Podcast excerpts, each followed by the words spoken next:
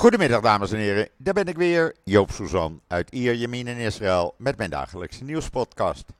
Het weer maar eerst even, ja, moet ik ervan zeggen. 36 graden, strak blauwe lucht, uh, luchtvochtigheid 60%. Afgelopen nacht was het 83% en dan moest je echt de ramen en deuren dicht hebben. Nu heb ik alles tegen elkaar open, jullie horen dan een beetje het buitengeluid. Uh, en hoef ik overdag vanwege de wind uh, die uit zee komt geen uh, airco aan. Gelukkig. En het is prima te doen zo. En dan het nieuws. Laat ik eerst beginnen met israelnieuws.nl. ADF heeft gisteravond en afgelopen nacht 13 gezochte personen gearresteerd. En wapens en draaibanken, vier draaibanken voor het maken van wapens in beslag genomen foto's en uh, alles kan je zien in israelnieuws.nl. En gelukkig gaan ze elke avond en nacht door. Moeten ze wel, want anders uh, ja, dan zouden de terreuraanslagen door blijven gaan. En dan is premier Netanyahu gisteren eind van de middag bij de herdenkingsceremonie geweest voor de gevallenen van de Yom Kippur-oorlog. Dat is nu 50 jaar geleden. En uh, ja, dat wordt uh, uitgebreid herdacht. Dat kan je ook lezen uh, wat er daar gezegd is in israelnieuws.nl. En dan een video en foto's, want is er een oud graf van 2300 jaar oud van een courtisane ontdekt in Jeruzalem? Men denkt van wel, en daar komt de conferentie binnenkort van, die jullie kunnen bijwonen. Uh, via internet. Die uh, staat in het artikel in israelnieuws.nl. Waar je ook de foto's kan zien van wat er ontdekt is. Het is echt fantastisch. En uh, ja, ik zou daar zeker even gaan kijken als ik jullie was. en dan hebben we nog iets in israelnieuws.nl. Namelijk een column van Bas Belder over orthodoxe Joden, een aantal die problemen veroorzaken in Davos. Uh, ik zou zeggen, lees het even, daar staat het uitgebreid in. Hij beschrijft het allemaal uitgebreid. Dan weten jullie wat er aan de hand is. Orthodoxe Joden komen al tientallen jaren naar uh, Davos toe.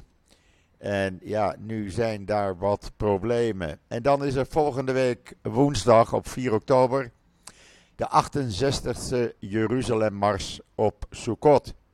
Uh, daar kan je naar meedoen.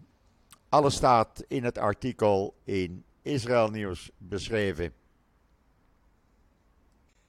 En dan kom ik nog even terug op uh, wat er op Yom Kippur in Tel Aviv en andere plaatsen is gebeurd. Want dat gaat niet goed en is totaal niet nodig. Uh, elk jaar werden er gemengde gebedsdiensten gehouden in Tel Aviv. Waarom dat per se nu uh, gescheiden moest. Ja, je kan zeggen: oké, uh, het is doordrukken van iets wat men niet wil. Aan de andere kant kan je ook zeggen dat uh, men in Tel Aviv wat verdraagzamer zou moeten zijn. Het was helemaal niet nodig om dat geweld te maken. Jeruzalem Post heeft daar een heel goed hoofdredactioneel artikel over uh, geschreven. Wat ik ook online heb gezet op alle uh, social media. Uh, want het gaat er namelijk niet om, om het geweld op Yom Kippur. Het is veel erger. Het is namelijk de verdeeldheid die daardoor ontstaat, die nu naar buiten komt. En die de grootste bedreiging is voor Israël, die Israël naar de afgrond brengt. Dit is niet nodig. Als iedereen elkaar in, uh, in waarde laat en respecteert, dan gebeuren dit soort dingen niet. Het is andere jaren ook niet gebeurd. En er hoeft geen scheiding op uh, uh, Dizengoff op een andere plek in Tel Aviv worden aangebracht en een gebedsdienst in de open lucht te houden. Want dan kan je ook naar een van de meer dan 500 synagogen gaan. Aan de andere kant kan je ook zeggen, het uh, kleine aantal mensen wat het nodig vond om rellen te maken uh, op Yom Kippur, ja, die hadden dat eigenlijk niet moeten doen. Uh, als ze hadden nagedacht, dan had dit niet voorgekomen. En ze creëren daarmee onderlinge verdeeldheid. En dat is echt het ergste wat Israël als staat zou kunnen meemaken. Het hoofd, uh, hoofdredactioneel artikel in de Jeruzalem Post schrijft ook: waarom is een gebedsdienst die sinds het uitbreken van het coronavirus jaarlijks en zonder incidenten plaatsvindt, dit jaar zo gewelddadig geworden? Waarom was er vorig jaar of het jaar daarvoor geen opschudding, toen er ook in een paar plekken een scheidingswandje symbolisch werd gemaakt? Uh, de reden gaat diep en houdt verband met angsten en overtuigen. Het is de angst en, vier, en vurig uh, dat hun manier van leven in gevaar komt. Het is de overtuiging onder vurig religieuzen dat de genoemde liberale waarden, leven en laten leven, op iedereen van toepassing zijn, behalve op hen. En dat toont de verdeeldheid al aan die er al is in Israël. En dat is niet nodig. Dat heeft ook te maken met de manier waarop deze regering te werk gaat.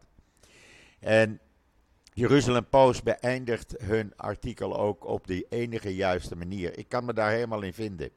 Ze herhalen eerst wat president Herzog uh, dinsdag zei. Het moet hier nu stoppen, de verdeeldheid, de polarisatie, uh, de nooit eindigende geschillen. Ze vormen een reëel, reëel gevaar voor de Israëlische samenleving en de veiligheid van de staat Israël, zei Herzog. En hij heeft gelijk. Uh, zoals veel mensen al maanden roepen. Uh, zorg nou niet voor die verdeeldheid. Probeer nou compromissen te vinden. Ook voor die hervorming van het juridisch rechtsstelsel. Maar niemand luistert naar elkaar. En de Jeruzalem Post beëindigt ook met het verzoek aan iedereen, in de eerste plaats de leiders van het land, om gehoor te geven aan de boodschap van president Herzog. En te zorgen dat dit soort tafereelen, zoals ze op Dizengoff voorkwamen, uh, zie die dan als een wake-up call. Stop met dit soort uh, verdeeldheid zaaien. En ik ben het daar volledig mee eens. Ik kan geen andere manier uh, bedenken om hierop te reageren. En dat geldt ook voor meneer Ben-Gvir waar uh, veel uh, politici al oproepen, Ben-Gvir, doe dat nou niet. Je bent uh, minister van Nationale Veiligheid en Politie.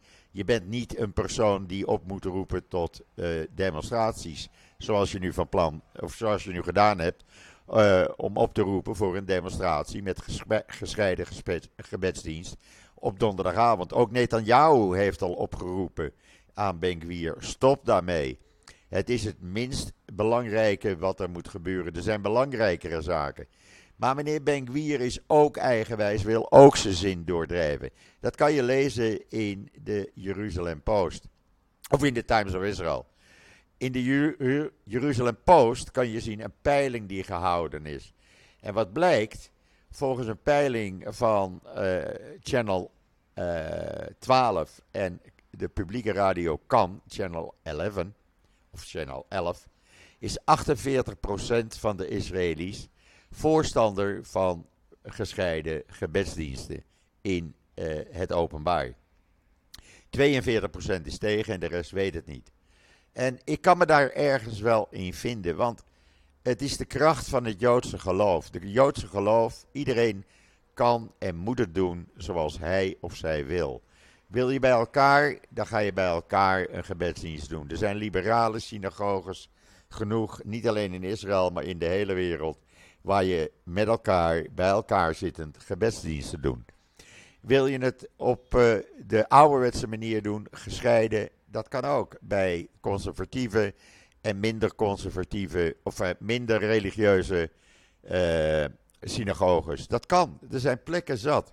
En dat is de kracht van het Joodse geloof. De kracht van het Joodse geloof zit hem niet in het met elkaar bevechten, omdat de ene het op een manier doet zoals de ander niet wil, en de ander niet wil dat de andere doet. Dat is niet de kracht van het Joodse geloof. De kracht van het Joodse geloof is dat het al duizenden jaren op dezelfde manier wordt gedaan.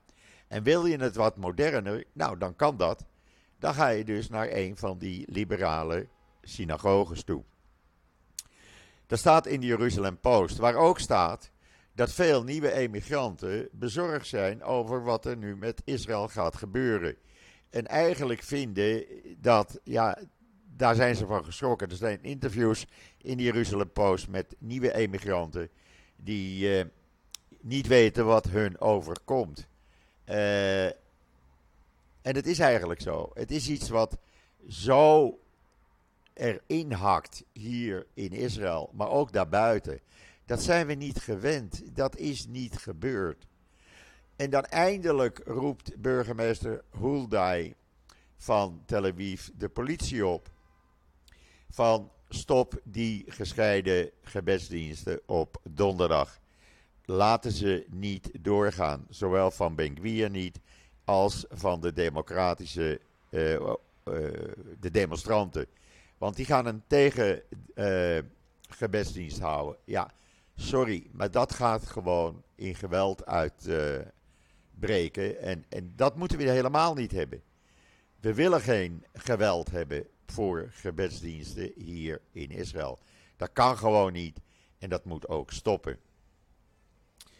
Ik hoop dat het uh, morgenavond rustig blijft in, uh, in Tel Aviv. Ik hoop dat men uh, bij zichzelf te raden gaat en gaat denken van laten we dat nou niet doen. Het mooiste zou zijn als niemand, maar dan ook niemand, naar die oproep van Ben luistert. Laat hem alleen in zijn hempie staan. Dan staat hij daar voor Jan met de korte naam en niemand om hem heen. Maar ja, dat zal wel ijdele hoop zijn, denk ik. Ik denk niet dat er veel mensen zijn die daar gehoor aan zullen geven. En uh, toch bij Benguier gaan, uh, gaan staan. Het zou jammer zijn. Echt, het zou hartstikke jammer zijn. We gaan kijken wat er uh, de komende uren en morgenavond natuurlijk gaat gebeuren. En dan zijn Amerikaanse Joden volgens de Engelstalige Wynet bezorgd over de juridische hervormingen. Zo blijkt uit opiniepeilingen. De meeste Amerikaanse Joden zijn tegen de wijze waarop dat op deze manier gaat. En tegen die, uh, ja, die, die, die, dat geweld wat erbij uh, bij komt kijken in Israël. Die splitsing die je hebt in Israël. Het maakt de zaak er niet makkelijker op. Lees dat in uh, de Engelstalige Ynet. Waar je ook iets bijzonders kan lezen. Een journalist van de Ynet is op reis in Saoedi-Arabië. Jawel, Zeef Avrahami, die heeft gezegd dat hij uit Palestina kwam. Uh, dat heeft hij geclaimd. Nou, dan was uh, binnenkomst geen enkel probleem. En die is nu bezig met een reis door Saoedi-Arabië. Hij noemt het zelf een achtbaanervaring. Hij heeft nog nooit zo hier iets meegemaakt. En het is al uh, fantastisch dat hij uh, vrij kan gaan en staan in Saudi-Arabië zoals hij wil. Dat is geweldig. Dat is echt geweldig. Wat ook geweldig is, dat kan je lezen in de Engelstalige Ynet. Wat ook geweldig is, en lees dat in de Times of Israel. Voor het eerst, echt voor het allereerst, is een Israëlische minister officieel met een delegatie in Saoedi-Arabië. Jawel, Chaim Katz, de minister van Toerisme, is uh, op een eh, VN-conferentie uh, over toerisme in Riyadh. En hij is officieel ontvangen. Hij heeft gezegd: Ik wil alleen maar komen als ik als minister kan komen. En niet, is, niet als anoniem persoon. En dat kon. Hij is daar met een officiële delegatie uit Israël verwelkomd als minister. En is bij die conferentie, spreekt die conferentie ook toe. Hij is daar twee dagen, hij komt morgen weer terug. En dat is gewoon fantastisch. Dat betekent dat we op de goede weg zijn met banden met de Saoedi's. En hoe mooi zou dat zijn? Ja, en dan hebben we wat in Amsterdam helaas zondagmiddag is gebeurd. Gisteravond meegemaakt in Tel Aviv. Daar speelde Maccabi tegen, uh, Tel Aviv tegen Hapoel Tel Aviv. Uiteindelijk won Maccabi met 5-0. Maar daar gaat het helemaal niet om. Het gaat om 120 arrestaties die zijn verricht. Waarvan ongeveer 70 supporters van uh, Hapoel Tel Aviv. Die waren uh, bewapend met knuppels, met rookgranaten, fakkels, uh, vuurwerk. Nou ja, allerlei verboden voorwerpen werden aangetroffen. Ja, daar kom je niet voor naar een stadion. Die zijn opgepakt. men heeft die gevechten weten te beëindigen. Men is ja, de wedstrijd wel ruim een uur later begonnen. Moest eerst rustig zijn. Maar het is geen vuurwerk, geen voetbal meer. Het heeft niets met voetbal te maken als je dat ziet. Ik vind dat verschrikkelijk. Dat is echt helemaal niet nodig. Lees dat in Times of Israel. Waar je ook kan lezen dat de voorzitter van het Huis van Afgevaardigden in Canada, uh, die is afgetreden. En hij kon niet anders, want hij was degene die, wat uiteindelijk een nazi Waffen-SS-veteraan uit Oekraïne bleek. Uh, die had die man van 98 uitgenodigd op een officiële uh, bezoek in uh, het Huis van Afgevaardigden. toen Zelensky daar kwam praten, ja, dat kan natuurlijk niet. De man kreeg een staande ovatie, want niemand had in de gaten dat het een voormalig Waffen-SS-lid was. Dat bleek achteraf, ja, en toen kon je dat niet meer terugdraaien. Dus die voorzitter kon niet anders als aftreden, staat in de Times of Israel. En dan zijn er duizenden dode vissen aangespoeld op de kust van Gadera.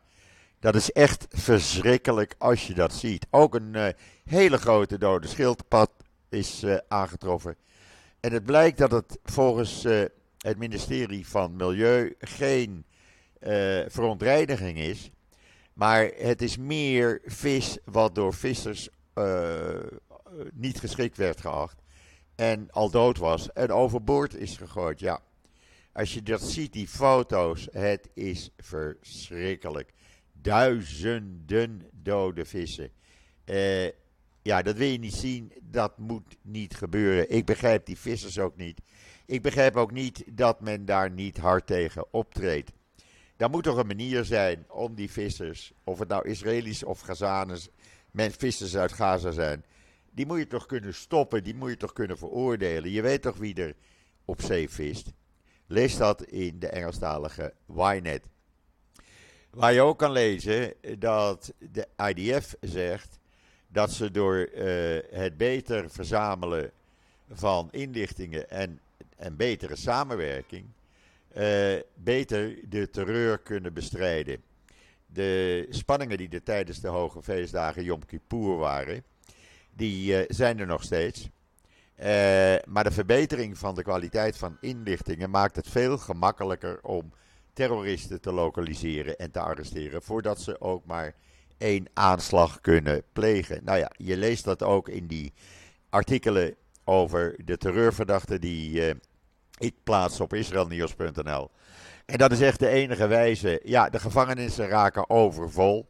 Ik denk dat ze over een tijdje in tenten moeten worden geplaatst. Maar het is de enige manier. Je moet dit gewoon kunnen stoppen. Ja, en dan, ik ben weer pissig. Ik ben echt weer kwaad. Want ze doen het gewoon weer.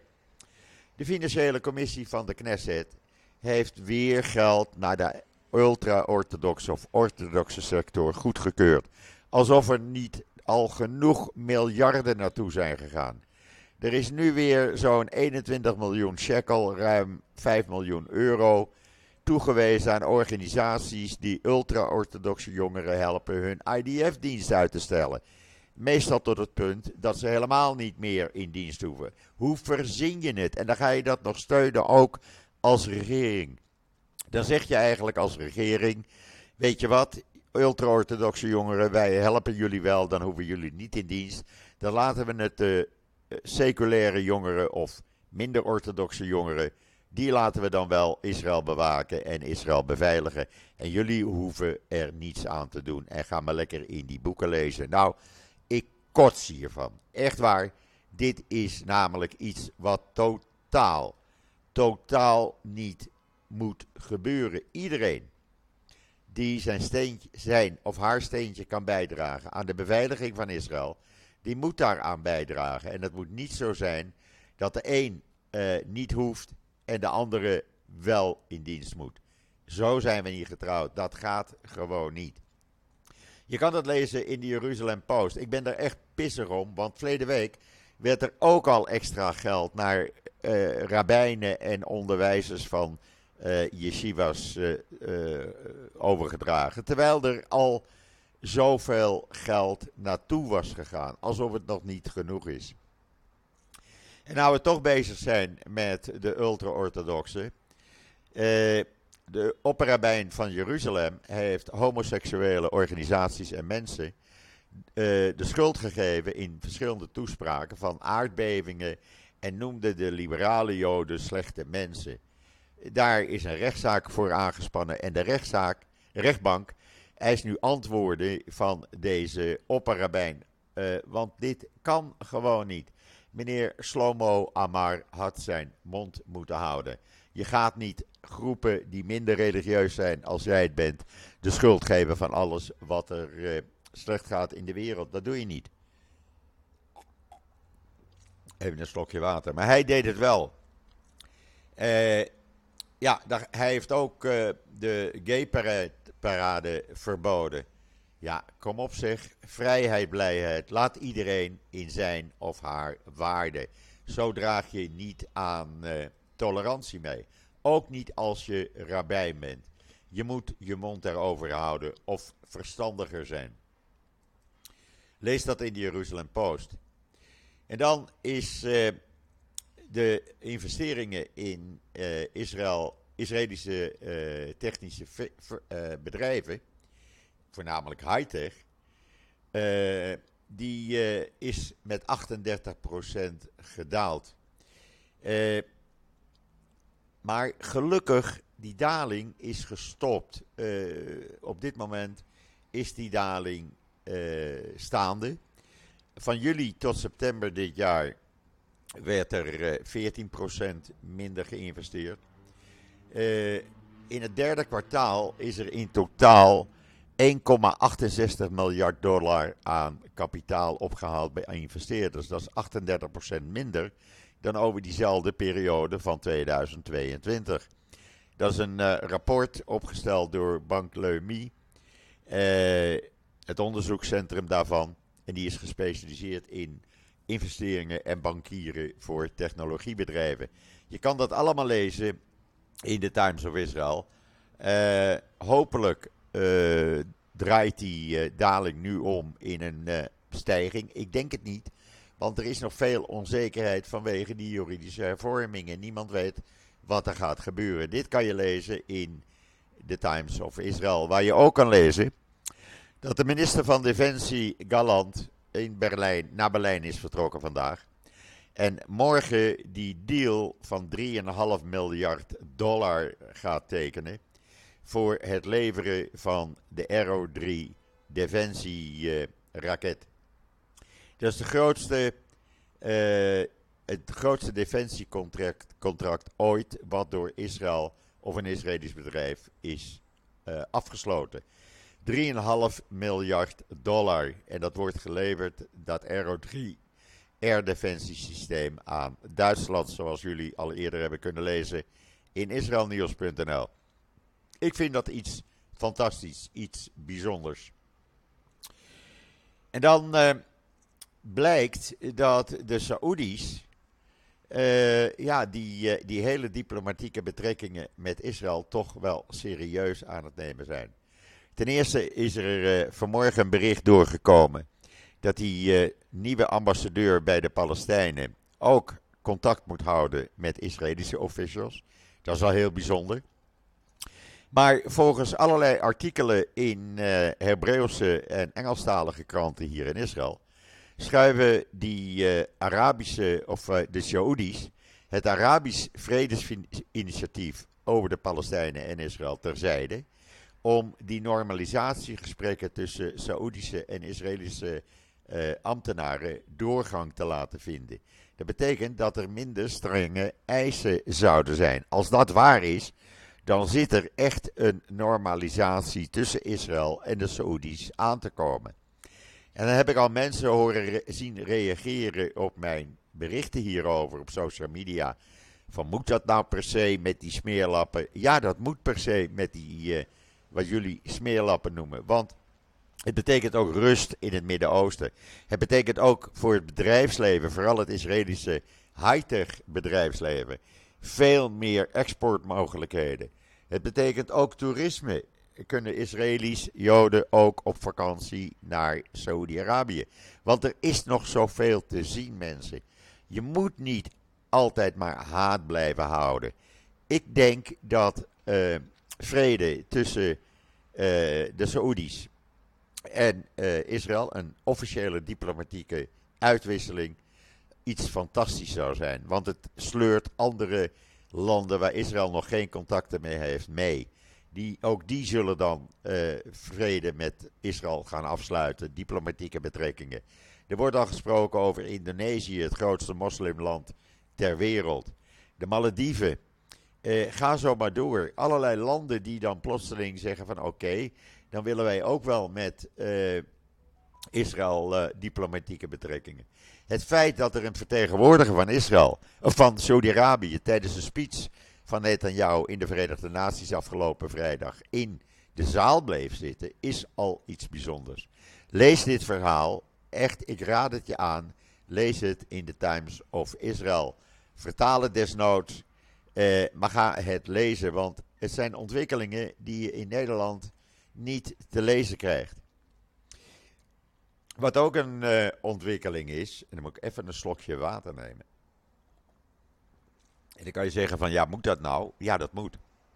Uh, niet dat water drinken, maar wat een ontwikkeling is, dat het hippe Brown Hotel, de hippe Brown Hotel keten, sorry, in Tel Aviv, nu ook probeert orthodoxe bezoekers te trekken. En wel door uh, het opzetten van een soukah uh, en door uh, super kosher eten te geven in een seculaire stad als Tel Aviv.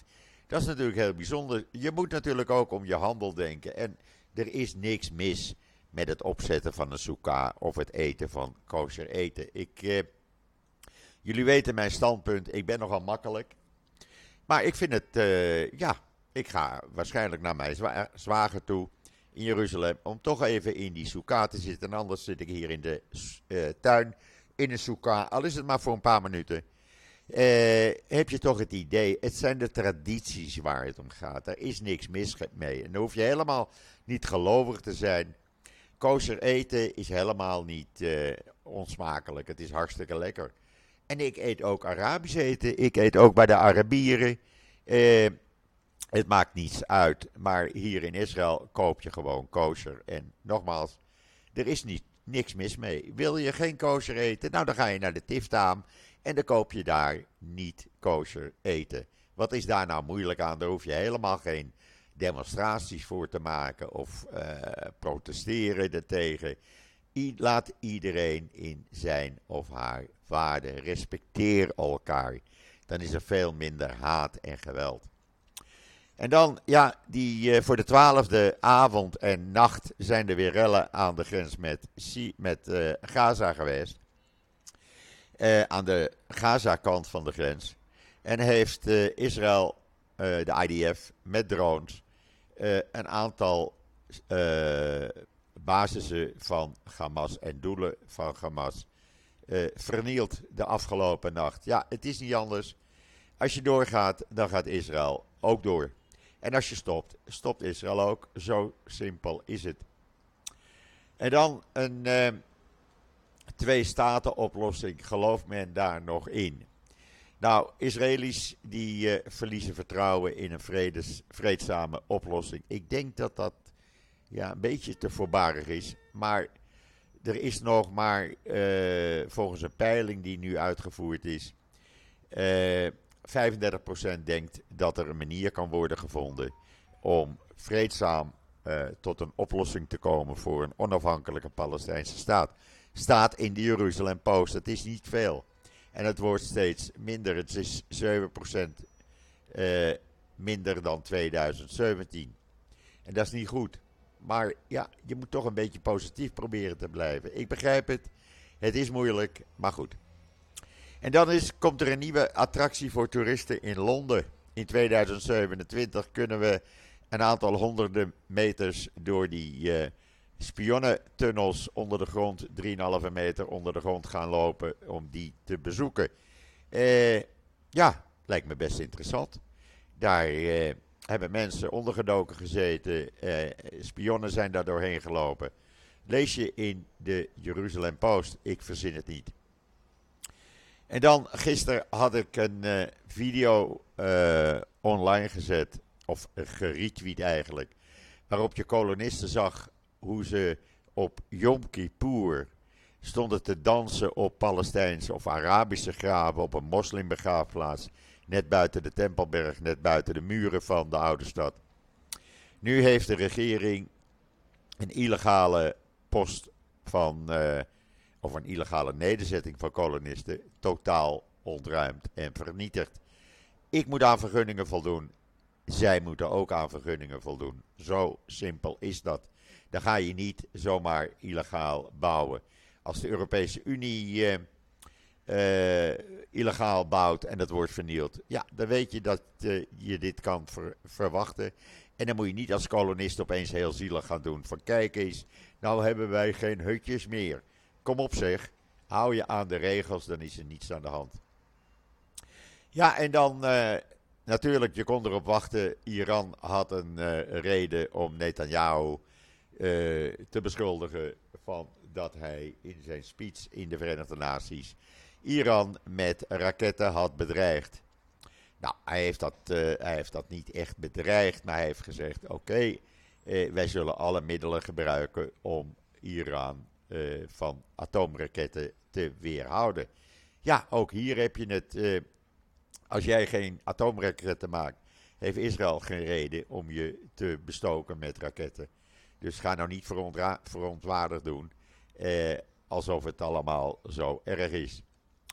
Ja, en dan eh, waren er weer een uh, waarschijnlijk stel Arabieren uh, uit de Palestijnse gebieden.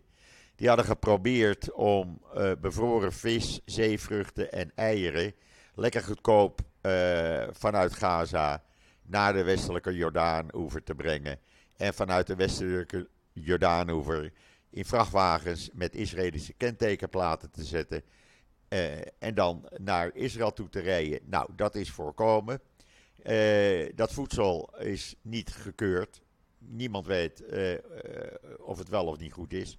En je moet ook hier aan de regels voldoen. En niet denken van ik ga op een lekkere, makkelijke manier even snel geld verdienen. Dat kan gewoon niet. Moet je niet doen. Goed, dat was het wat mij betreft. Het was weer meer als ik gedacht had. Uh, ik weet nog niet wie ik morgen in de podcast heb. Ik ben wel bezig, dat kan ik jullie wel zeggen, om Casper Veldkamp in uh, de podcast te krijgen. Ik denk nog niet dat dat morgen lukt, want hij zit in Londen. Maar Casper Veldkamp, daar ben ik mee bevriend geraakt toen hij jaren geleden ambassadeur in Israël was. Die staat nummer 4 op de, plaats, op de lijst omzicht. En ik vind dat geweldig voor hem. Ik vind hem uh, een fantastisch politicus. Hij heeft toen hele goede dingen gedaan voor Israël en Nederland toen hij uh, ambassadeur was. Veel meer dan uh, welke ambassadeur tot nu toe heeft bereikt.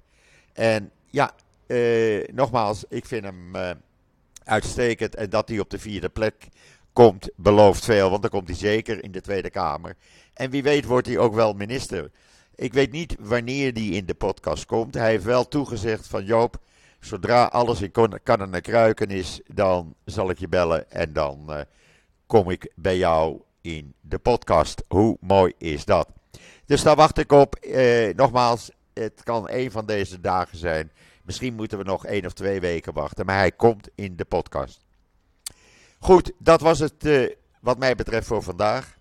Ik wens iedereen nog een hele fijne voortzetting van deze woensdag, de 27 september. Het is hier bloedje heet. Ik ben er morgen weer en zeg zoals altijd: tot ziens. Tot morgen. En Mickey zegt hetzelfde.